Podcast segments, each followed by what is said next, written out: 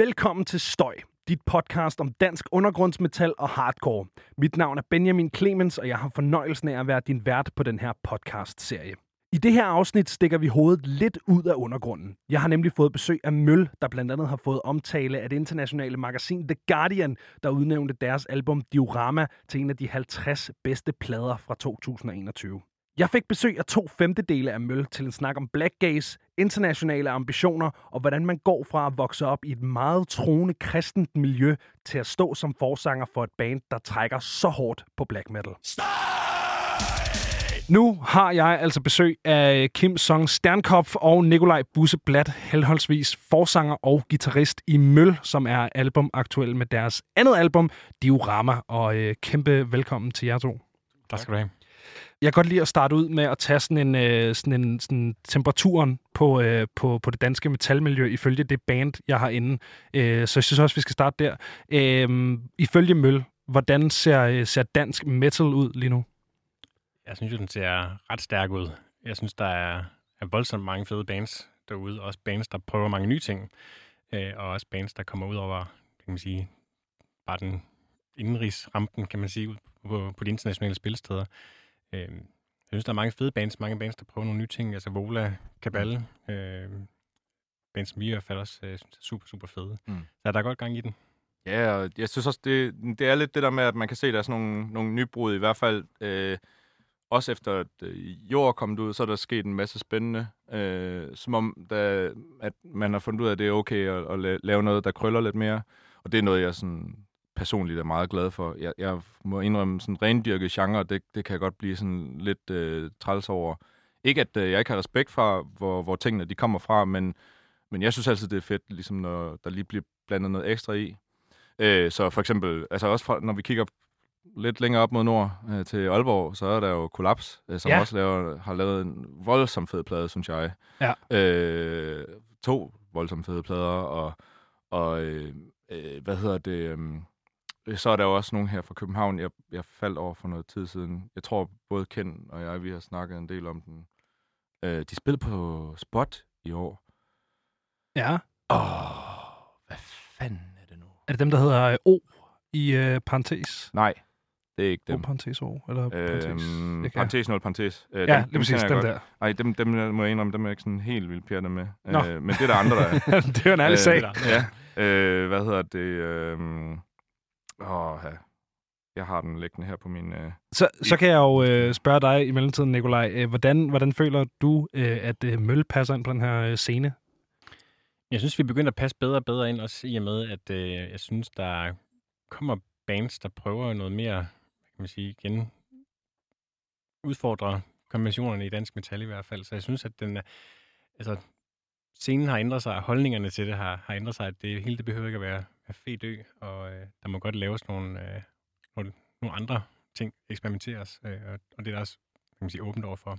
Men, men så vi bare, er vi bare færdige med fed ø, eller altså, hvad, hvad bliver der så? Nej, øh... det er vi ikke. Men jeg tror godt, at man kan udvide lidt på den, øh, på den pl- øh, palette af, af dødsmetal. Og igen, jeg, øh, jamen, det er jo det der med rendyrket genre. Al respekt til øh, Cannibal Corpse for at have lavet nogle øh, vilde øh, bold moves i sin tid, men mm, altså, jeg, jeg synes jo for eksempel, jeg er lige øh, selv øh, aktuel øh, med et andet band, øh, ja.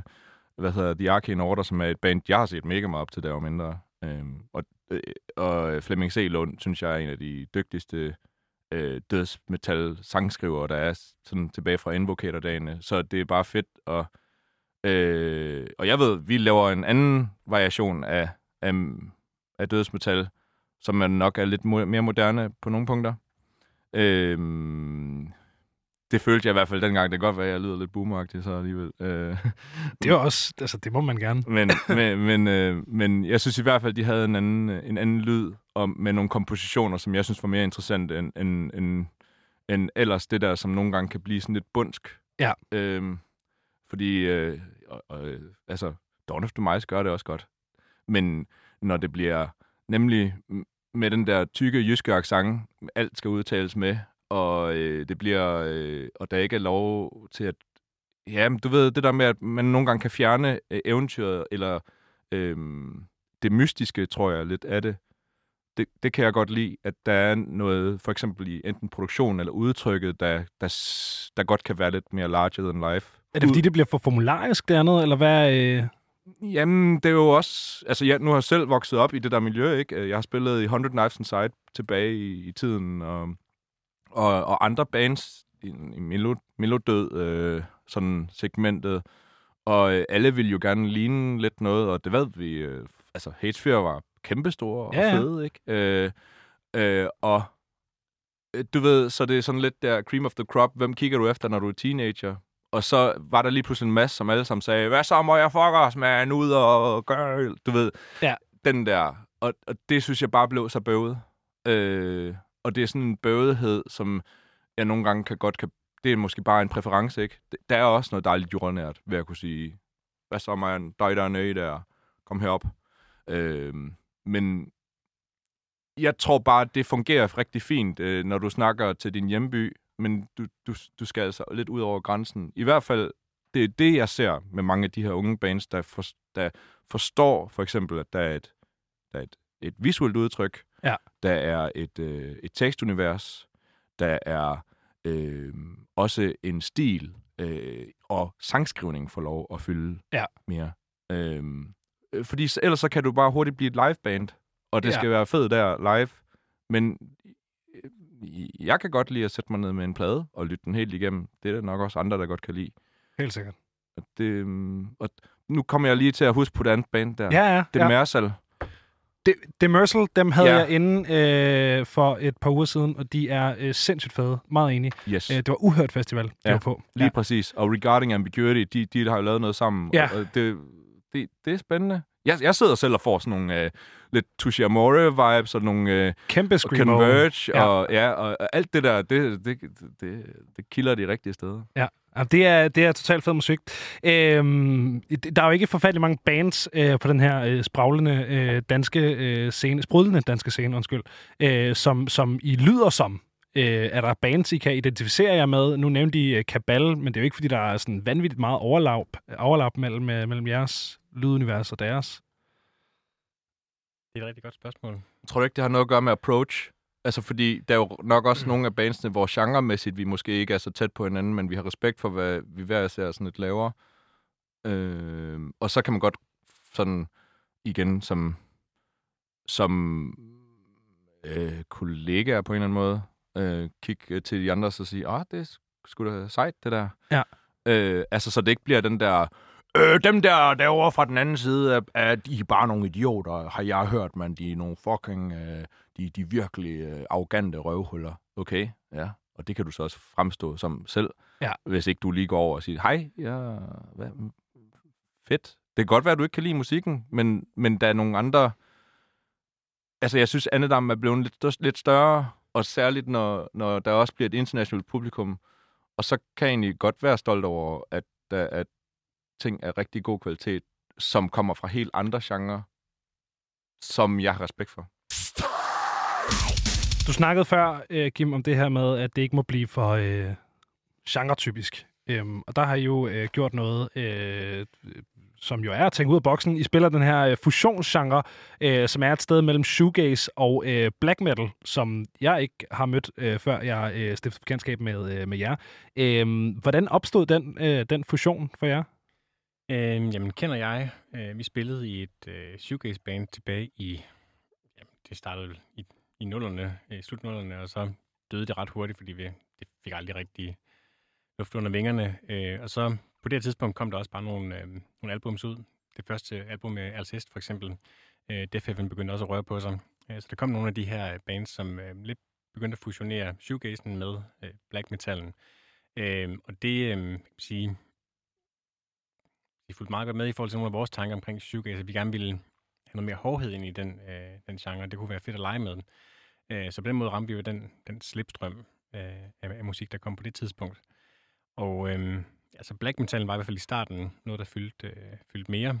Øh, jeg ved ikke, hvor meget det gør mere. Jo, stadigvæk noget, men jeg tror også, vi vil gerne lege med andre dele af metal, så det behøver ikke nødvendigvis bare være, være black metal. Der er jo igen energi og, øh, og aggressivitet i mange former for metal. Øh, så, øh, så, så der tror jeg, der øh, ser vi det ikke nødvendigvis bare som, at vi er, er black gaze eller, øh, shoegaze black metal, men mere måske, shoegaze metal. Øh, men hvor vi låner lidt hist og pist. Men jeg tror også, det, han, det der det refererer lidt til din t- approach i forhold til sangskrivning, ikke? Mm. Fordi det er lidt det der med, hvad der, hvad der tjener sangen. Ja. Og det er vi meget enige om på mange punkter, at, at det, det skal være sangskrivning, der lidt øh, dikterer, hvad der passer ind. Og om det så er en øh, Van Halen øh, guitar solo, der lige pludselig sniger sig ind et eller andet sted, altså, så tjener det sangen. Og på papiret, teoretisk set, skal det måske, fungerer det måske ikke helt.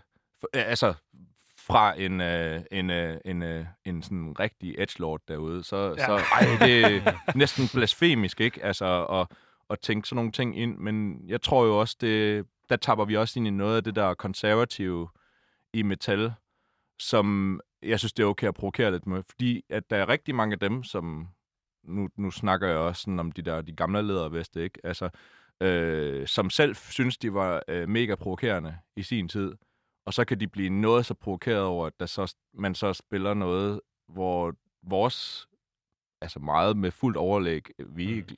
altså vælger et lidt øh, blomstret udtryk, som bare pisser nogen helt vildt meget af. Og det synes jeg, det er sådan grundtanken ved punk egentlig. Ja. Der, der ligger rigtig meget i det der med at gå imod folks forventninger. Så hvis det for eksempel, øh, det nævnte jeg også i en anden podcast, der var nogen, der havde taget, øh, der hed, øh, jeg tror det var et eller andet med Canon, øh, Nå, det var et indisk band, men de har taget Toys R Us-fonden. Ja. Øh, så forestil dig sådan en, og de, sådan, de spiller sådan noget grindcore-agtigt, ikke? Så prøv at forestille dig det, at det står på sådan en plakat med, Ja. med alle de andre obskure logoer, du slet ikke kan læse, og så kommer det der, de der Toys R Us fonts der, ikke også? Ja. Det er, det, altså, hvis der ikke er noget, der er edgy, øh, så er det det der i hvert fald. Altså, Tror ja, jeg, fordi man så går imod det, der Ja. Skulle være edge, ikke? Altså, det tror jeg, altså, i forhold til, øh, til Mølle, øh, og, og, som sangskriver og komponist, så er det, altså, jeg er ikke vokset op i metal, så jeg har ikke rigtig sådan en kan man sige, tilhørighed til, til black metal eller dødsmetal. Så, så da jeg kom ind i metallen, jamen, så tager jeg, rager jeg bare til mig, hvad jeg Ja. synes er fedt, øh, og så blander jeg det sammen, uagtet om der er nogen, der kan man sige, har fine fornemmelser om har det. en fornemmelse for det, så det er jo sådan lidt den måde, det er blevet til på. Øhm, jeg kommer også fra altså, punk alternativ rock, og lyttede voldsomt meget til Sonic Youth, og, ja. øhm, hvor det var tilgangen. Altså, der, Jeg, jeg, jeg, jeg elsker det der. Jeg, jeg har også øh, begået mig øh, meget i, i punkmusik, og, og sådan, der, der er altid mange, øh, som står udenfra øh, gerne, som har en eller anden idé om, hvad punk er. Og så gør man et eller andet, øh, drikker en kaffe latte. Og sådan, og det var Mm. sgu da ikke særlig punk gjort. Men, men så kan jeg godt lide det der, hvis man er non-konform over Ja. for det non-konforme, Ja. så er man non-konform i anden grad. Ja. Øh, altså Så er, du anden ikke, så er du ekstra provokerende. Altså, nu Og så, du, så begynder det virkelig ja. op og, er du øh, en at stikke til folk. Ikke? så det er jo det der med, altså, det, der er sådan en, en grænse mellem det der med at trolle, og så også sådan sige, du ved, det er sådan stikpiller, ikke? Altså, Ja. ja. øh, til øh, det indspiste nogle gange i de kulturer, der kan indfinde sig, ikke? Fordi jeg tror jo rent faktisk lige snart, at der, der bliver en elitisme og en, en øh, sådan gatekeeping, som finder sted, så er vi på vej ind på et skråplan øh, som kultur, og så er du faktisk, øh, så er punk død. Altså, Ja. ikke? Eller, eller rock and roll eller grunge, eller sådan som der hele tiden er sådan nogle bevægelser. Øh, lige snart det begynder at blive lidt konformt, og netop så forstokket, så har vi sgu, øh, så har vi bæltet, bæltet spændt lidt for hårdt op, og det vil jeg gerne udfordre. Og jeg kommer også selv til at være en af dem, der bliver pisset af et tidspunkt. Det er jeg vel, det er jeg godt klar over. Ja. Øh, men øh, nu er det også. jeg tror, så længe man gør noget, der gør nogen sure, så gør man noget, der er rigtigt i hvert fald. Det er jo sådan den klassiske tankegang, ikke? Ja. Øh, men det er, jo, det er jo en fed ting, øh, du kommer ind på der, Kim. For der er jo øh, super meget gatekeeping i metalmiljøet. Altså også meget mere end i nogle andre musikmiljøer, mm. hvor det er sådan, nah, men det der det er slet ikke øh, øh, død nok, og har du overhovedet hørt den her plade? Og så et eller andet obskurt album fra 1984, der kun kan findes på kassettebånd. Og sådan Præcis, Noget. og når, også når jeg har veninder, der kommer øh, til koncert og bliver spurgt ja. om, Nå, du har det der Cannibal Corpse, kan du nævne øh, alle de her øh, Ja. fedeste hits og så videre, så vil vi lige finde ud af, om du er true nok. Altså, så, så, så er vi derinde, hvor det er sådan, "Hva- Kid, din idiot. altså, øh, er du ikke klar, er du klar over, at du er i gang med at, at få en til at føle sig mindre velkommen her? Ja, altså, ja. Men det er, jo, det er jo igen det selvhævdelsen, som nogle gange kan finde sted i de der gruppekulturer, og det, det, det, det jeg hader det. Men så er det jo dejligt, at der kommer nogen i øh, lyserøde skjorter og, øh, og, og, piller lidt ved den der øh, sådan ja. meget obskure øh, dødsmetals-logo-ting der. Jamen, vi oplevede faktisk på, på Aalborg Metal Festival, øh, hvad, hvad hedder det, øh, jeg tror, det var kendt, jeg havde set, der lå en ordentlig grøn hakker på vores øh, merch, eller på vores øh, bandbord om backstage. Okay. Så det er sådan nogle gange sådan det der med at komme ind et sted, hvor tingene sådan bliver, skal være på en bestemt måde. Så er der måske nogen, der lige har siddet og tænkt, nå, møl, fuck man dem. Øh, Så er der lige nogen, der går og snottet på... Øh... Jamen altså, så sidder jeg jo sådan og tænker sådan, åh, sygt mand, vi er blevet, vi er blevet spyttet på. En ordentlig coronasnotter. ja, ja. det, kræver, det er også det er sådan, det er ekstra disrespekt nu at snotte ja. på Ja. nogen, end det var for sådan to-tre år siden. Jo, jo, ikke? det var sådan, du kan give mig et eller andet med hjem til min mormor, ikke? Ja, ja, ja. Hvad, hedder det, hvad har det betydet for jer som band, og som, altså for jeres sådan, musiske udvikling og eksperimentere i studiet? Jeg tænker jeg næsten, at når man spiller den slags musik, I spiller, så er det på et eller andet tidspunkt været meget eksperimenterende. Ja, altså jeg tror, sådan, de første par, hvor vi spillede sammen, der eksperimenterede vi jo nok lidt mere. Øh, jeg havde også en, en med noget synthesizer på et tidspunkt, og øh, så det var meget underligt også noget af det øh, i sin tid. Og så finder det jo en eller anden form hen ad vejen. Øh, så det er jo egentlig igen altså, hundredvis af, af øver og samtaler og kan man sige, nørden over plader og albums. Øh, og så finder det jo på et eller andet tidspunkt en eller anden form for, eller for en eller anden form for krystallisering i forhold til, til lyden. Øh, og øh, men forhåbentlig bliver det også ved med at udvikle sig en lille smule. Ja, og så, jeg vil så også sige, du tager faktisk også en masse trupper fra nogle... Det er jo også igen det der med nogle traditioner, som er meget sådan gængse måske inden for shoegaze, men som, som bare er mega u- ukendte i mange andre sammenhæng. Så når det er den, øh, vi har snakket omkring det der med juxtapositioning, altså at kunne sætte to ting i, som ikke kunne virke sammen på papiret, men som så alligevel fungerer. Det, det er jo faktisk ikke så meget, øh, du ved, så er det jo lidt lige meget, om det er en trope et sted, det bliver til noget nyt, når det bliver sat sammen med noget andet. Ja. Øhm, og så er det, sådan er det også med madlavning og med mange andre ting. Altså, ja, ja, ja. Øh, nogle gange det der med at få en reference, og så forstå det øh, med nogle andre øh, hints, hints af nogle andre ting, så giver det lige pludselig noget helt nyt. Øhm, og det er sådan en rigtig rar tanke, synes jeg, hvis man skal tænke på det som omkring musik, ikke? Øhm, at at øh, der er mange ting, man godt må. Altså. Ja. Men der tror jeg bare, at kulturen nogle gange kan komme ind og lidt spænde ben, både for en selv, men også for andre. Altså, ej, det er der nogen, der har gjort før. Hvad, hvad, hvad gør vi? Ej, det lyder lidt ligesom det. Ej, puh. Eller... det har vi stået, ja. vi har stået tusind mange gange. Altså sådan, det, øh, ej. jeg kan huske, at Ken han havde sådan sagt, han vil ikke lytte til Death Heaven. Det vil Mm, han ikke. mm. Han vil ikke lytte, han vil ikke lytte til nogen plader. Altså, øh, jeg tror, han havde hørt Sunbatheren, men det var så det. Mm. Så sådan, det, han holdt sig væk fra det, fordi han var bange for, at han kom til at, at, at, at låne. Øh, Nej, det er der, når man sådan sidder og skriver et eller andet, så ubevidst er i gang med at plagiere noget, fordi man lige Ja. har tænkt på det. Ja, eller, ja. Ja. Ja. Hvor, meget, øh, hvor meget materiale har I været igennem, som ikke fungerede, før I, øh, før I nåede hertil? Relativt meget. øhm, der, der ligger jo mange råskitser og dårlige demoer. Og, øh, de, har, de har også, uh, FYI, de har dårlige demo-navne. at Nå, ja. I starten var det datoer, og det Ja. ja. bliver hurtigt rigtig øh, øh, forvirrende, og så bliver det jo bare random ord til sidst, som jeg rigtig kan huske, hvad det egentlig er, der er Mange, gang i. mange og, gaming-referencer. Ja, gaming-referencer. Og, Jeg synes, jeg synes den Ja. bedste, det var BFG. ja, Ja, Øh, Det var, og det var Lambda. ja okay. ja, Ja. Den, den havde Big Fucking Gun. ja. Så der er lige en, en Doom-reference. Ja, Ja, ja, øh, det er. Dooming. Og, og. Ja, og Lambda i sig selv er jo også en Ja. Half-Life-reference. ja, præcis. Nå, det skulle da også rigtigt, ja. Ja. ja. det havde jeg slet ikke tænkt over. Altså havde, hvad det hedder, Slowdive også et, øh, et nummer, der hedder Machine Gun. Ja. Øhm, altså rigtig godt shoegaze-nummer, og så tænkte vi bare, jamen det, det her nummer, det lyder lidt, lidt her noget Slowdive, og så tager vi bare Big Fucking Gun, og så øh, skal den hedde det. det. Er nok meget godt, at det bliver det. Så øh, var der ikke noget, jeg ved ikke, om der er copyright på det, eller? Nej, det ved jeg ikke, måske. Nej, Nej. det tror jeg ikke. Nej, det der ikke. Altså, der er jo BFG Division, men altså, det er Ja. jo Mick Gordon. Fucking fedeste soundtrack nogensinde. Doom-soundtracket der. Kæmpe soundtrack. Mm. Altså, øh, man føler sig herre sej, når Ja, man spiller Doom. Tear, ikke?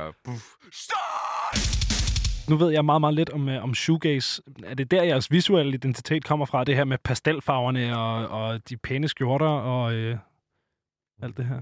Nej, det er vel ikke nødvendigvis. Nej, altså, jeg tror meget, Jon Gottlev øh, fra no, NoHeroes.dk, han er jo han er jo en af dem hovedmændene bag Hiraki.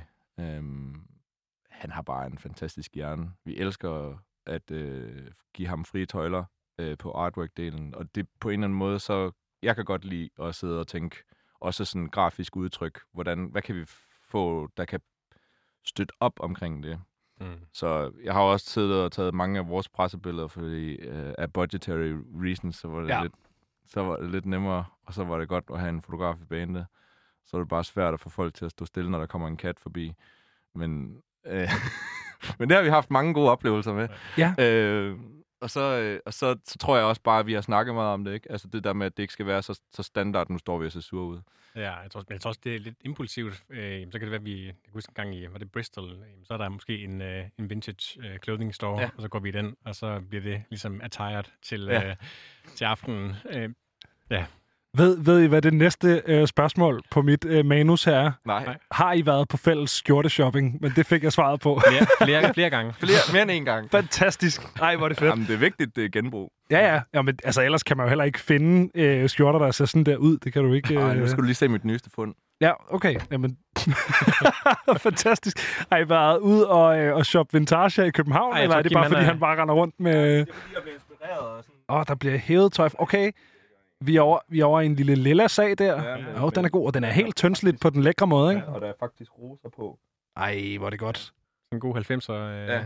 skjort. Og den er sådan lidt... Den, den, det, det er jo ikke en strik, men det, der er noget strik-stemning. Ja. Ja. Men Ja. Jeg, jeg føler bare, når jeg kigger på dig, så det, du ser så behagelig ud på, så, så, så, Ja, så, jeg skal også. have en, der er sådan lidt behagelig. Som jeg, Du, sådan, du kan godt se sådan en, øh, en sådan extra fra Fresh Prince of Bel-Air rende rundt i den sidste skjorte. Og, det, og det er et yeah. kæmpe kompliment Ja. øh, herfra. øh, Fantastisk øh, fælles skjorteshopping. Hvad hedder det? Øh, men hvorfor ikke øh, stille sig op i en læderjakke og se sur ud? Det gør alle andre jo. ja, Ja. det gør alle andre. Jeg kunne huske, at jeg blev sådan en lille smule træt af at bare spille i det der sorte outfit med Ja. et eller andet bandlogo på. Ja. Øh, det, det blev hurtigt meget det samme, og øh, ja, jeg følte ikke rigtigt, at det nødvendigvis det var sådan Dig. mig, nej, eller øh, man kan sige, det, det var lidt lidt bare sådan uniformen. Mm. Det, det var Ja. det, det, man tog på, når man skulle spille. Øhm, det blev jeg lidt træt af. Jeg synes, du var, jeg synes, du var god til sådan... Han, altså, Nikolaj, han har ikke sagt noget. Han, han har bare sådan stille og roligt taget noget andet på. Øh, og så, så, så kan jeg jo sådan sidde og tænke, ej, hvad sker der egentlig, når jeg kigger på de der billeder bagefter, og sådan, ej, han, han har, fundet, han, er, han har sgu fundet sig selv der, det er mega fedt. Øh, og det tror jeg også har løsnet lidt op, fordi der er altid sådan en, øh, en, en kamp mellem dig og Ken, om, om I kommer til at tage det samme på, eller sådan. Ja. Øh, og, så, øh, og han har jo altid sådan, det der, han bliver gemt bag trommesættet, ikke? Så han har, Ja, ja, altid, han ja. har altid noget, noget Det Jeg er synes, bare at- underbukser. han har, han har altid noget, noget ekstra sejt på, synes jeg, eller noget med pink, eller et eller andet. Altså, der har været gange, hvor jeg har skældt ham ufattelig meget ud, når, vi, når jeg har sådan udtrykkeligt sagt, ingen tager noget med pink på, og så selvfølgelig tager han noget med pink på. Øh, Men det er jo igen det der med at være non-conform over for det non-conform. Præcis, og det er det, det. Og jeg må applaud ham for hans punk, øh, men for, for, for, for, mit, øh, for, for fotografen Kim, så blev jeg pissirriteret. øh, men øh, det er de vant til, at jeg nogle gange er. Jeg har en, en observation, som, øh, som jeg for det første ikke er enig om, men som jeg gerne vil vende med, øh, med jer, og specielt dig, Kim, fordi du er øh, pædagog, Ja. øh, og du er desuden heller ikke den eneste pædagog i bandet. det er øh, trommeslager er også pædagog. Ja. Øh, og du vi er har faktisk også naboer. Dejligt. Øh, hvor hyggeligt. Øh, og du så også udtalt til øh, GAFA, at øh, det her med at være pædagog, det lader til at være et typisk fag i metalmiljøet. Hvorfor tror du, det er? Jamen, kan du ikke huske, at øh, altså, trommeslageren i Nemik, han var fandme da også pædagog? Det Ja, var han. og forsangeren i Bæst er skolelærer, Ja, ja, og i Rudderway er der øh, en pædagog og en pædagog under uddannelse. Og øh, altså, du ved, alle er pædagoger eller skolelærer, og hvorfor? Det kan jeg jo ikke svare på. Altså, jeg kan sige snakke for mig selv. Ja, øh, Så, så må du gøre det. Ja, altså jeg tror, øh, der er noget med... Altså nu arbejder jeg med fritidsklub øh, og fritids- og ungdomsklub, og det synes jeg er pisse fedt. Øh, der er noget, øh, jeg kan spejle mig i den der identitets øh, ting øh, som teenager med at tage nogle forskellige ting på og prøve et eller andet sted at bygge sin identitet. Og, og, jeg, og jeg synes, det er faktisk en spændende alder ikke, at, at kigge på. Og nu er jeg også selv ved at være oppe i 30'erne, ikke? så det er sådan... Det, det, og det synes jeg er fucking mærkeligt at sige, ikke? Men, men, øhm, men vores generation er måske lidt mere angstig omkring, eller åben omkring den angstiness, der kan være forbundet med det med at ramme forbi 30, øh, hvor når jeg snakker med min fars generation, så er det sgu ikke noget, de sådan skilter med. Så det er sådan, det der med at føle sig voksen, voksen, den tror jeg er bare lidt mere udtalt. Også når jeg hører sådan Fries Before Guys, for eksempel min, min kæreste, hun er mega glad for dem, ikke? Øh, Ja. og, og de laver en fantastisk podcast, men det er også meget sårbarhed, der kommer frem, ikke? Og om det der med, om er jeg nu ægte voksen. altså, øh, altså det, det, det, det er sgu ikke alle, der... der og, og der, der tror jeg faktisk, der er noget ved det, der jeg bliver draget mod, fordi jeg, jeg synes selv, når jeg skriver tekster, så leger jeg mega meget. Ja. Når jeg er på arbejde, så leger jeg også. Altså bare med børn, ikke? Ja. Øh, hvad hedder det? Spiller seje brætspil, interesserer mig for nørdede ting, kan godt lide Dungeons and Dragons en gang imellem. Øh, hvad hedder det? Øh, altså lige nu, der går den meget på, at jeg har et virtual reality headset med, jeg nogle gange tager med Ja. i, i klubben, og så er der bare beat. Og så er du populær. Ja, og jeg Ja. synes også, det er fedt. Ja, altså, det er klart. Ja. Øhm, så der er et eller andet med det der med, synes jeg, med, jeg ved, det er jo en adgangsbillet til at kunne få nogle gode snakke, og komme derind under, og rent faktisk have de der voksen-voksen snakke, ikke? Med, med, med, med, med børn, der nogle gange har lidt svært ved at snakke med deres forældre ja. om nogle bestemte ting. Så er det godt at have en, en voksen. Det oplevede jeg selv. Altså, jeg var vokset op i, i Voldsmose, øhm, og der var nogle vigtige pædagoger i mit liv på det tidspunkt. Så jeg tror, der er et eller andet med det der med at møde folk i øjenhøjde, som Ja. jeg godt kan lide. Og den menneskelighed, du kan, du kan mærke der. Øhm, det er i hvert fald ikke for pengene, man gør det. Nej, Øhm, det, øh, det, det er heller ikke det, jeg hører. Øh, men så det er, det er dels sådan en... Det er, det er også lidt sådan en Peter Pan-ting for dig. Sådan, det holder dig lidt fra den der sådan rigtige voksenhed, eller hvad? Nej, men altså, jeg synes, der er, jo, der er noget dejligt jordnært ved den. Altså, fordi hvis, øh, ved, altså, hvis, hvis de her ting skete for os som teenager, jeg ville være gået i stykker. Altså, jeg tror ikke, jeg ville kunne holde til at få at vide, at jeg var god til noget sådan, i, i sådan en grad, øh, som pressedækning har været nu. Ja. Så jeg er glad for på en eller anden måde, at det er noget, der har ramt os i vores, i vores øh, voksenår, hvor vores hjerner er ordentligt udviklet. Ja. Altså, øh, det kan jeg godt holde til nu. Øh, hvad hedder det? Så der er et eller andet med det der med, tror jeg, at beholde det jordnære, holde fokus på, at der er også en familie, jeg skal hjem til. Der er nogle mennesker, som betyder rigtig meget for mig. Og, og der er et nærvær, du øh, holder dig fast i, synes jeg, i kraft af mit erhverv. Øh, og det gør det også meget nemmere at, at håndtere den her karriere med, med musik, synes jeg. Ja. Øhm, hvor det, hvis, du, hvis det er det eneste, du, der fylder, så kan du faktisk også ende med at forsvinde væk. Øhm, det synes jeg, der er mange eksempler på. Øhm, og der vil jeg bare ikke være en del af den sørgelige statistik, tror jeg. Er du nogensinde blevet, øh, blevet genkendt af en eller anden blackgaze-begejstret forældre, der skulle hente... Øh... Altså, altså jeg arbejder jo på en, sk- en skole, ikke? Ja. Så der er jo nogle gange, så bliver der jo åbnet for vinduerne, og så råbt der ud af vinduet, ikke? Øh, nå, ej, nå, hej, det er deroppe. Fra. Så, og så er det fordi, at der er en af lærerne, som er super fan. Øh, hvad var det? Jo, trommeslageren Isbjørk. Han har jo, jeg tror, han har, han har sgu nok spillet noget mølle i, i sin klasse tidspunkt. Og det har femte fra Rosenvangeskolen så fanget. Yes. Og så lige pludselig så bliver man, bliver man øh, mødt af... Det, det, øh, eller bliver kaldt ind til inspektøren, hvor han så siger, hvad, nu skal jeg lige forstå det her. Ja. Øh, hvad er det, der foregår i den her video? Og så er sådan, det, det eller andre tidspunkter, når vi skulle låne ting til, til musikvideoer. Altså, jeg ved, både Ken og jeg, Ken han har været ude og plyndret sit øh, biologilokale, og jeg har plyndret, plyndret mit biologilokale Okay. øh, for at finde udstoppede dyr til, til musikvideo-shoots, ikke? Så, mm. altså, øh, så det er jo sådan lidt det der med, det er jo meget, altså det er jo meget DIY på mange punkter, ikke? Øh, Og jeg kan godt lide, at det er sådan nogle oplevelser, vi også har sammen som band, øh, som, hvor alt ikke bliver ordnet af alle. Så vi er meget self-managed på nogle punkter. Øh, og det gør det sjovt. Så er det stadigvæk ja. vores. Yes. Jamen, det er, jo, øh, det er jo noget med at bruge, hvad man har adgang til. Så øh, hvis det er øh, udstoppet dyr fra biologilokalet, så, øh, så, er det, så må det jo være det, man skal bruge. I har fra starten af i Mølle haft, en, øh, en sådan, haft nogle internationale ambitioner og, og udsendt også jeres debutplade på, øh, på det her engelske label, Holy Raw.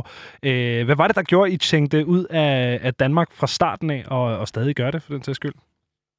Øh, jamen, jeg tror egentlig, hvert fald for mit vedkommende, jeg tror også Ken og jeg andre, altså der har vi altid været sådan lidt musikalsk meget internationalt øh, orienteret.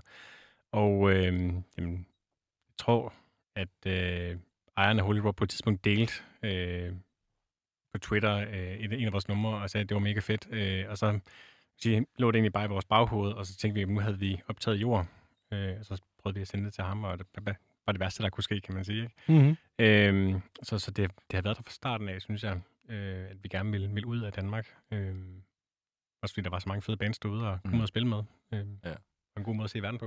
Det er jo det, og jeg synes også, altså jeg kunne jo også høre fra dig, at der var rigtig mange fra det label, du i forvejen Mm. øh, lyttede til, og, og det er bare fedt at, at vide, at du kommer et sted, hvor du bliver behandlet, øh, som forstår, øh, hvad, Ja. hvad, hvad, du, hvad mm. du laver. Så den der, have den der historie med, altså vi, vi behøver knap nok at nævne, nævne Mew, eller nogle af de andre dansk inspirerede, altså shoegaze-inspirerede danske bands, for eksempel, før, at de var bare sådan, ja, det vidste de jo bare, altså. Ja. Mm. Mm. Så, så det er fedt at blive modtaget på den måde. Også i UK, som jeg har bare hørt så mange skræmmehistorier om. Altså, øhm, vores manager Mirza har jo været tusind gange derovre, synes jeg, med hans band øh, Siamese, og har Ja. syntes, at det har været det mest skøde nogle gange, ikke? Øhm, fordi at så er det popshows, og øh, øh, dårlig mad, og altså sådan, øh, ikke, ikke det fedeste sådan i verden. Og øh, så jeg kan i hvert fald huske, inden der havde jeg været sådan, åh, oh, fuck mand, vi skal derover til det lorteland. Øh, og det har været mega modsat faktisk. Altså, ja. det at vi har haft et, et britisk label, har bare blåstemplet os sygt meget. Så vi er jo kommet ind og følt os mere hjemme i UK, end vi har følt os i Danmark. Hvilket er mega weird. Spøjst. Ja. Ja. Havde I stadig været på, øh, på Holy Raw, hvis det ikke var lukket? Muligvis på den her plade her. Ja. Ja. De havde jo optionen. Ja. Altså, og, øh, og det var også planen jo, egentlig. Ja. Øhm, jeg tror godt, vi, vi havde snakket et tidspunkt, øh, vi vidste godt, at vi skulle rykke videre, men det var bare ikke Ja. ja. nødvendigvis nu, at vi havde tænkt det. Ja, der var jo sådan forskellige strategiske snakke og forsøg på at lave nogle aftaler også med nogle af de andre labels, Ja. ja. Mm. samtidig med, at vi havde, havde Holy Raw. Ja. Ja. Øhm, men øh, hvad det hedder... Øhm, Ja, for det Whole Raw sad stærkt i England, men de sad ikke stærkt så mange andre steder. Øhm, og, men der er stadigvæk, igen, det var et indflydelsesrigt lille label. Ja. Meget indflydelsesrig. Altså, øhm, så øhm, på en eller anden måde, så er det jo sådan, man jeg ved ikke, om man kan kalde det held i uheld, eller... Altså, det synes jeg godt, Jo, man det kan man godt. Kan, kan, kalde det. Ja. Ja. Øhm, det endte jo meget godt. Ja, øh, fordi det er jo endt med, at I nu har udsendt øh, den her plade Diorama på øh, tyske Nuclear Blast, som jo er øh, altså nok det største metallabel i verden. Øh, hvem, hvem opsøgte hvem? Var det... Øh... Jamen, øh, de øh, opsøgte os. Øhm, og der var faktisk flere pladselskaber, uden at nævne dem, at det, som opsøgte os i den periode der, hvor Ja. ja. Holy Raw øh, lukkede ned. Øh, så der lå vi, eller Jessa lå i forhandlinger på, på vores vegne i forhold til, øh, til de her. Øh, ja, der var sådan 10-12 stykker, det var ret voldsomt, synes Ja, jeg. der var, der var godt gang i den, den periode der. Hold da op. øhm, altså, det var, det, var en, det var en vild periode. Men jeg tror også, altså, vi var rigtig glade for, at vi endte ved Nuclear Blast, også fordi, at øh, altså, det er jo, jeg synes, at den måde, de har udviklet sig på, er også ved at tage mange nye Mm. øh, bands ind. Også bands, der netop breder sig ud over, ikke bare metal, men også ud over andre genrer. Igen, Ja. Assist for eksempel, Mm. øh, er, er nysignet der til os. Øh, så det synes jeg også, øh, jamen, gav i hvert fald også en eller anden form for blåstemning, at Ja. det, det er nok ikke det værste sted at ende i hvert fald. Nej, nej, og der er, der er jo stadigvæk Slayer-fans på det label. Mm. Ja, ja. Det kan man godt Ja, ja, ja. mærke, øh, men det er også rigtig fint. Altså, hvis vi kan være deres guilty pleasure, så er det jo fint nok. Altså, øh, sådan er det, og sådan så meget... Altså, det er jo både det gode og det, og det dårlige ved, ved metal, det er, at jeg synes, altså, også selvom der kan være meget konformt, ikke, så kan der også være rigtig mange, som måske øh, ja, er vores aldersgruppe, som lytter, er vant til at kigge på related artists, og, altså sådan, og også har vokset op med, med MySpace i sin tid, og sådan sidder og, og rode igennem re, altså andre relaterede bands, så det der med den nysgerrighed i første omgang, øhm, som er kommet med internettet på en anden måde, øhm, den tror jeg gør, at, at mange er, er, er interesseret og lytter til mere musik i dag. Altså, det synes jeg, mange af de der streamingtal siger rigtig meget omkring, at der er en nysgerrighed. Øhm, om det er på din release radar, at det ryger ind, eller om du rent faktisk selv sidder og trykker og klikker. Ja. Altså, så tror jeg, der er rigtig meget du, nyt, du bliver eksponeret for, og du kan lige så godt du kan lige så vel lytte til Rasmus Sebak og være glad for det, og så samtidig smutte over og lytte til Kabal, ikke? Altså, øhm, Jo, jo, bestemt. eller, eller, eller, eller mange af de andre, øh, hvad hedder det, bands, der er. Så den type øhm, defineret, se, der er en metalmand, der går der. Ja, den er ved at dø, ikke? Ja, ja. Og, og så er vi tilbage i det der med kultur igen, ikke? Ja. Altså, fordi så er det også en kultur, der bliver dyrket. Jeg signalerer, at jeg er metal ved at have det her på, Mm men jeg er også mere end det. Altså, fordi det er jo et harnisk, du ser folk tage på, når de kommer på Copenhagen. Det er fedt. Jeg kan da kigge og så se, åh, oh, han kan lide Gorgots, han kan lide det der, han kan lide Candlemass, han kan, okay, fed mand. Så, øh, så, så har han ligesom øh, mærkerne til, at øh, vi kan snakke sammen, eller sådan, ikke? Øhm, men det er også lidt spændende, synes jeg, nogle gange, når...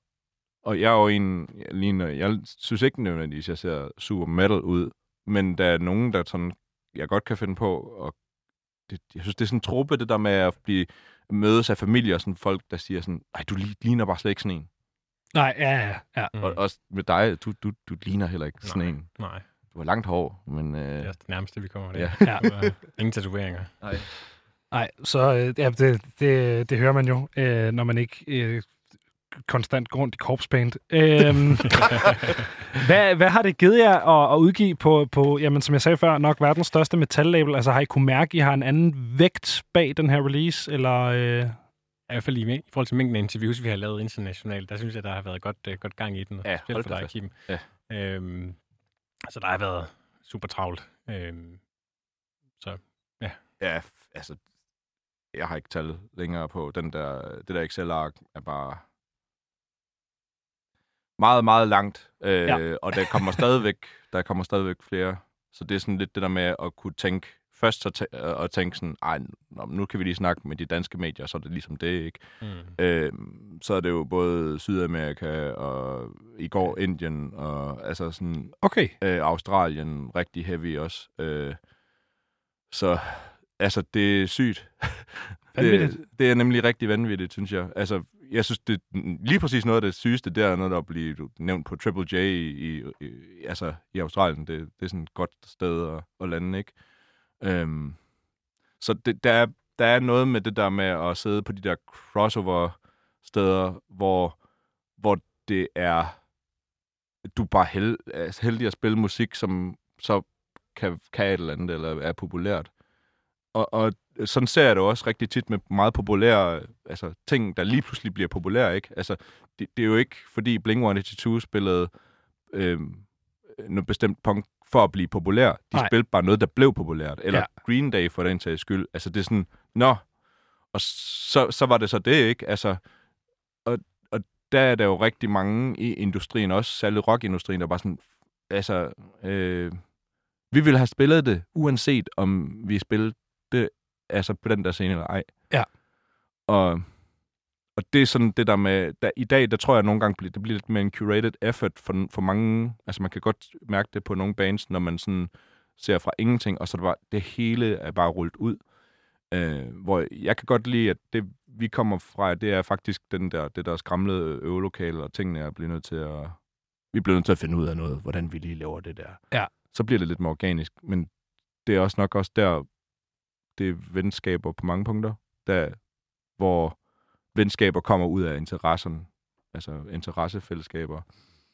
ja, frem for ligesom at gå i studiet og tænke, nu skal vi skrive Mm. et hit. Nu skal vi, ja, lige præcis. Ja. Jeg skal ind og lave det her, altså, øh, som bliver et hit. Ja. Øh, fint nok. Øh, det er der nogle folk, der, der gør, og der synes er fedt.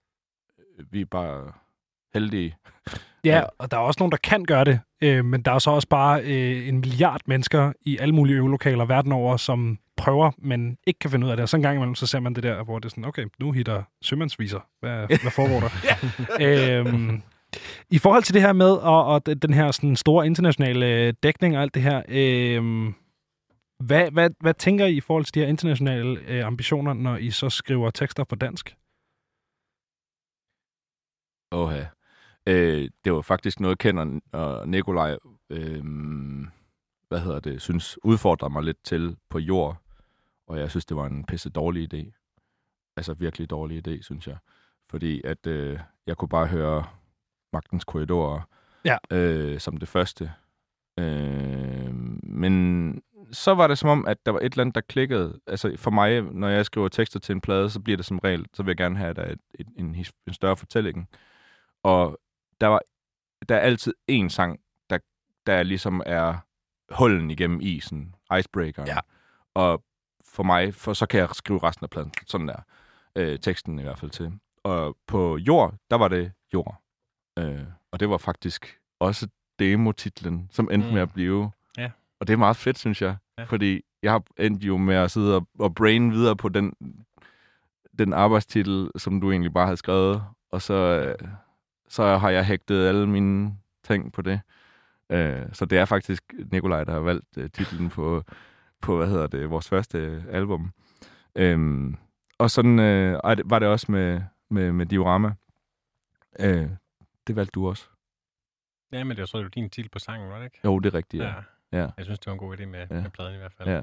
Så er vi også konsistente i forhold til, at det sidste nummer på hver plade bliver Ja. titelnummeret. Så, Ja. Så er der styr på det. Yes. Jo, jo, men, men så lige for at vende tilbage til det der med, med at vælge at synge på dansk, altså, der tror jeg, det er sådan lidt en nephew-approach, om det er ikke andet der, altså... Øhm, Ja, fordi I bruger både dansk og Ja. engelsk på forskellige sange. Ja. Har I også sange, hvor I bruger begge ting? Ja. Okay.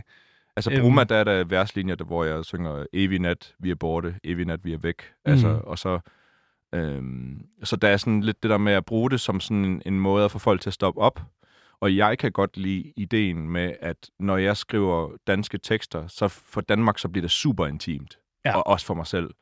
Men for andre, så bliver det obskurt.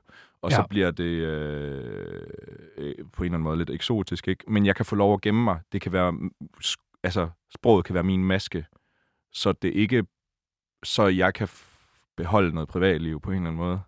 Og det er lidt mærkeligt at sige, for jeg ved, der er jo flere millioner, der snakker dansk, ikke? Men, Jo, jo. men på en eller anden måde, så er det, så er det lidt... Øhm, der er i hvert fald noget, sår, en, noget sårbarhed, øh, som, som kommer igennem den der ærlighed, der er med at kommunikere med sit modersmål.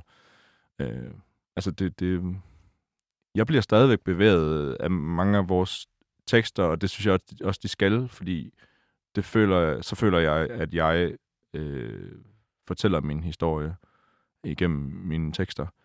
Øhm, og det bliver bare vedkommende på en helt anden måde, hvor det er min måde at synke ned i sangene og være til stede der. Og for jer, der spiller instrumenterne, så er melodien det, der gør, I synker ned i nuet. Altså deep time, her er vi. Der er ikke noget andet, vi skal. Vi skal være her. Jeg har læst mig frem til, at øh, store dele af, af, af tekstinspirationen på øh, både jord, men også øh, diorama kommer fra en øh, sådan, øh, livskrise, øh, som du havde tilbage i øh, 2017, Kim. Mhm. Mm-hmm. Øh, hvad, hvad, hvad skete der der? Jamen, det der skete, det var, at jeg gik ned med stress. øh, det var i hvert fald toppen af isbjerget. Jeg troede, jeg skulle fix, fixe ja. det. Øh, men der var ret mange ting, der sådan ramlede på, på én gang. Øh, og øh, jeg kan huske, at øh, Mirsa havde anbefalet øh, øh, dig at tage fat i mig. Øh, fordi at, øh, jeg havde faktisk været på Spot Festival, og det var på Spot Festival, at jeg gik ned med flaget sådan helt officielt. Jeg havde kørt tre, tre døgn øh, og bare været ude og skyde bands og musik, og bare ikke få noget søvn. Nej. Øh, og kunne have sættet, jeg har en huske en særlig en samtale med min gode ven Asbjørn Brokhøj, som, som spillede i Unseen Faith. Vi sad op ved Scandic, og så var han bare sådan, Kim, du, altså, du er på vej derud, og halvdelen af dig sådan slæver efter dig. Du kan ikke færdiggøre sætninger, hvad sker der? Altså, og så Ja. sådan, ja, ja, øh, jo, jo, videre. Øhm, det, så det blev sådan lidt, det var der, jeg sådan lidt endte, og jeg kan huske, at jeg havde taget billeder af jer, og synes, det var en pissefed koncert. Øhm, og øhm, ja, så skulle jeg til min fars 50-års fødselsdag, og så, gik jeg, så øh, kan jeg huske, at jeg kom ind ad døren, og så var det bare, jamen, så var jeg der et kvarter, og jeg kunne bare mærke, at jeg havde det så dårligt. Og min faster sagde, nu går du med hunden, og øh, så skal du, øh, så når du kommer tilbage, så finder vi ud af, om jeg skal køre dig hjem. Ja. Og der, der, det var så stresssymptomerne, ikke? Men det blev så anledning til sådan en eller anden livskrise, for jeg tror, der var, der var også i slutningen af mit studie, og jeg kommer fra en ret øh, øh, anderledes opvækst. Altså, jeg vokset op med nogle forældre, der har øh, cyklet ind og ud af nogle øh, ret ekstreme øh, religiøse fællesskaber. Øhm, så hvis øh, sådan pensemenighed er et sted, så er, det, så er vi lidt længere ude. Altså, Okay. øhm, og, og, det, og det var sådan nogle af de ting, jeg begyndte at tage lidt hul på, lidt der, når man sådan lige har en, en halvt års pause. Og der har jeg bare oplevet øh, nogle gutter, jeg ikke kendte, øh, give mig rum til at... Altså, de, du har siddet og arbejdet på de, de, de sange altså, i flere år, før jeg kom til. Mm. Og så bare givet mig lov til at... Fri tøjler. Ja, og, og, og, øh, og, og udtrykke, hvordan jeg havde det der. Øh, jeg har også spillet i andre bands, men der synes jeg altid, at jeg har for, været forudskuende. Altså kigget ind mod, hvad jeg gerne vil have. Ja. Men det var, det var første gang, jeg begyndte at skrive tekster, hvor øh, jeg beskrev ting, som de var. Så det var super vigtigt for mig. Og det tror jeg lidt har været med det, til ligesom at føle, at der var noget ærligt, øh, jeg kunne fortælle om mig selv, i stedet for om... Øh, altså, jeg har jo egentlig hele tiden tænkt, at det skal være sange, som mit kristne jeg havde jo sagt, sange, der, der, der, altså, der ærer Gud. Ja. Øh, øh, og jeg har spillet i bands, der netop har haft den øh, altså, underliggende konnotation, at de spillede kristen musik, og det var vigtigt for mig. Øh, men øh, hvor, hvor jeg, jeg har simpelthen brug for at tage sådan, altså komme helt væk fra det, øh, for at finde mig selv. Der er, ikke- der er ikke sådan ret mange øh, religiøse mennesker i det øh, musikmiljø, som I trods alt læner jer en, en del op af, altså det her metalmiljø. Øh, hvordan, hvordan var det møde, ligesom, at, at kunne bevæge sig ind der? I havde nogle... Ja, vi havde, vi havde en snak Ja. ja. med, med Kim, da vi, øh, hvad kan man sige, ville have ham ind i bandet, og vi var jo ikke interesserede. Vi var jo ja, fire artister. Ja. Øh, øh, og, og vi var ikke interesserede i at fremstå som et religiøst band heller. Øh, så det var rigtig vigtigt for os at understrege. Så jeg tror også, altså, vi udfordrede dig nok Mm. lidt på det, ikke? Altså, Ja. Der um, var det jo lige pludselig nogle andre ting, du var nødt til at Ja. skrive om os. Jeg, jeg synes i hvert fald, jeg har jo haft et benspænd ved mange af de sange, jeg har skrevet op til det punkt, der, der var meget med det der med lyset for enden af tunnelen. Men i det halvår, der blev det lys ligesom lidt slukket. Og Ja. der sådan det der med accept, eller jeg prøvede jo, på det tidspunkt kunne jeg jo ikke sige det, da vi lavede jord. Det er først noget, jeg kan sådan se bagefter, at det var, det var rent faktisk det, jeg prøvede at sætte ord på. Det var øh, sorgen over tabet af min tro. Ja. Øhm, og hvad fanden så? altså, øh, så diorama, det er sådan... Så, så jord, den handlede jo rigtig meget omkring det der, måske sådan øh, ekstrospektivt, altså kigge ud i verden, hvad, hvordan forholder jeg mig til det her kosmos? For- Er jeg bare en lille blip? Forsvinder jeg lige om lidt? Fuck. Øh, hvad hedder det? Hvor diorama, det for mig, når jeg kigger på tekstuniverset, så er det introspektivt. Ja. Så er det, øh, du ved, hvad vi så ender op med. Vi ender op med hinanden på godt og ondt. Og der var nogle, der er nogle opgør, jeg har også måtte tage med min eller nogle samtaler, jeg har måttet tage med mine forældre omkring den opvækst. Ja. Hvor faktisk de her tekster har været øh, den børnetegning, øh, man lægger foran øh, sine forældre, eller skolelærer, eller hvad det er, og, Mhm. og snakker ud fra. Ja. Så, så det har været faktisk et, et terapeutisk redskab. Jeg kan huske, at min terapeut havde siddet, jeg havde skrevet lyrikken til Tvis ind, taget den med ind til ham, hvor han havde sådan havde sagt, ej, hvor ville det bare være sejt. Hvis, jeg vil gerne være i, i fluen på væggen i det rum, når du siger det her til din far, og så var sådan, skal skal er det en god idé? Og der var sådan, ja, det synes jeg faktisk. Og Ja. så, så gjorde jeg det. Hvordan, hvordan gik det? det gik faktisk ret godt, synes jeg. Øh, ud fra mit øh, øh, perspektiv i hvert fald. Ja. Jeg tror, det var super hårdt for ham. Nej, det var også hårdt for mig. Altså, men det var en Det ordentlig... ly- lyder ikke som en nem samtale at gå ind til. Nej, Men, øh, men altså, vi havde faktisk en rigtig god aften, hvor, hvor ham og jeg, vi satte os ned, og jeg lyttede til nogle... Jamen, brugte lidt tid på at lytte til nogle af de ting, som han synes var fede som teenager, og, øh, og så spillede jeg så faktisk albummet for ham, og viste ham teksterne, og så sagde, det her, det, det er sådan, jeg følte det, Ja. da jeg stod der. Og det ramte ham jo mega hårdt, men det er også nogle af de ting, jeg ser op til ved min far, er, at han havde, han kunne rumme, han kunne, altså selvom det var pisse hårdt, så kunne han også rumme det, øhm, og, og sige, ej, fuck, det, det han sagde ikke fuck, men han sagde, øh, men altså, han både var stolt, og at han, øh, og det smertede ham, altså mm. at jeg havde det, haft det på den måde. Var det nogensinde svært, øh, hvis man skal kigge ind i sådan bandkonstellationen, fordi du er kommet ind øh, efterfølgende, som du også siger der, var det nogensinde svært ligesom at passe ind i en bandkonstellation, der allerede fandtes, og som ikke kom fra den her baggrund? Det, det kan du sådan set også svare på, Nikolaj, i forhold til, hvad, hvad I tænkte. Det er et godt spørgsmål. Øhm, Kim føler meget. Kim føler meget, ja. det, øh, og, og, og, og jeg synes, du er super god til at udtrykke det, hvor vi nok ikke egentlig er nødvendigvis de typer, der, der gør det allermest. Øh, så jeg tror også, du har bragt noget, øh, noget følsomhed ind i bandet i hvert fald, som har, har klædt os rigtig godt også, og, øhm, at få det med. Øh, men jeg, jeg synes egentlig, som jeg husker det, at øh, Kim han faldt vildt godt til. Mm. Øh, vi havde jo masser af ting til fælles i forhold til, ja. til musikken. Ja, så det var det, vi bondede over, ikke Mm. så meget øh, det andet egentlig, men mere, at vi skulle lave noget fed musik. Nej, men det er jo også det, det er biprodukter lidt, ikke? Altså, du ved, venskabet er også lidt biprodukt af, af at lave nogle fede ting sammen. Altså, jeg tror, det er også meget typisk gutter, ikke? Altså, det der med, at øh, det, det er svært nogle gange at snakke, men hvis man sidder og nørkler med et eller andet, du ved, sådan, nå, okay, hvordan går det så egentlig med dig derhjemme? Ja, okay, det går egentlig meget for det, det går ikke så fedt, eller sådan. Ja. Så, så det der med, at, øh, at nogle gange det der med at gøre noget sammen, øh, bringer en tættere på hinanden, og så har vi jo oplevet hinanden i, hver, i alle mulige øh, efterhånden livskriser, og jeg ved ikke hvad. Og det er noget, vi har kunnet snakke om, og blive nødt til at adressere, du ved, fordi vi bliver nødt til at aflyse det her og det her, for det er Mm. på grund af det her, eller...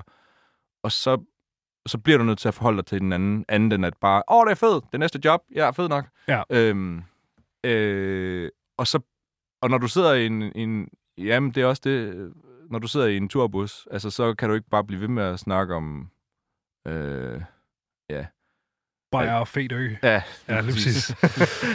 Hvad hedder det? Øhm, Det er der nogen, der godt kan, men det kan jeg det, fandme ikke. det er der nogen, der kan. Øh, man har også mødt den, men på et eller andet tidspunkt, så bliver den, bliver den lidt træt. Det vil jeg, ja. vil jeg give ret i. Øhm, hvordan har det været at bevæge sig ind i... Øh, jeg lover, vi, vi snart er færdige med det her.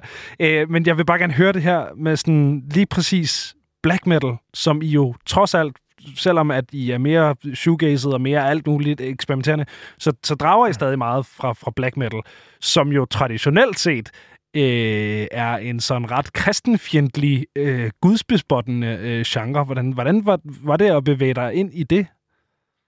Det var lækkert. Ja. Øh, nej, men jeg, jeg, så for mig, der, s- jeg, tror ikke, hvis man kigger i, for eksempel i mit tekstunivers, så kan man faktisk godt se, at jeg er lidt funderet. De, altså, der er nogle af billedsprog, som faktisk trækker lidt på, at jeg har vokset op med salmer og sådan nogle ting, ikke? Ja. Men jeg kan godt lide at vende foretegnene, og så bliver det lige pludselig ekstra uhyggeligt. Øh, der er ikke noget som en kristen, som har vendt øh, Gud ryggen. Øh, Altså, det, er det er en mand, ikke? der ikke har mere at miste. ja, ja, jamen, der, jamen, men, ja, men det er jo sådan lidt det. Øhm, og så tror jeg også, der er en, en sårbarhed i, og en voldsomhed og sårbarhed og afmagt og rigtig meget i black metal, som jeg kan identificere med. Altså, fordi de der øh, forpinte skrig, nogle bands kan komme med, øh, forsanger kan komme med, altså, åh, ja, det, det, that's how I feel. Altså, og det er, det er, det er lidt svært at sætte ord på, men det er sådan, altså, øh, det er også, tror jeg, med svære følelser, ikke? Altså, jeg havde en kammerat, øh, som, øh, som en dag sagde, øh, du ved, du er så pisse fucking heldig, du kan stå på scenen, og så kan du være vred. Altså, og, og jeg bliver nødt til at gå ud i en skov og slå på et træ Ja. og råbe, og så, hvis folk kører mig, så kalder de til pol- på politiet. Ja, så det, det, det er et bedre sted at få afløb for sin øh, Jo, jo. aggressioner. Jeg har så også fundet ud af, at det er jo egentlig ikke det, er ikke det eneste sted, jeg skal gøre det. Og det, det, har, det, det har min, min proces også hjulpet mig med, at der, Ja. ja. der er jo... Jeg skal også godt kunne sidde over for dig og så sige, at du gør mig faktisk pisse irriteret. Ja. Jeg, jeg fløj ikke hovedet af dig, men det gør mig irriteret. Jeg kan mærke i min krop nu, det der, du der har trådt over min grænse. Det kan man godt sige på en pæn måde, uden at stå og råbe Ja. anden i hovedet. Eller, eller det andet, og gemme det helt ned i hjertedybet, og så snakker vi ikke om det. Og så er det ud i skoven bagefter og, og slå et eller andet. Hvad hedder det? Jeg blev mærke i, at The Guardian øh, beskrev dig som øh, cult survivor. Øh, det ved jeg ikke, om du selv har læst. Øh, Jo. Hvordan føles det?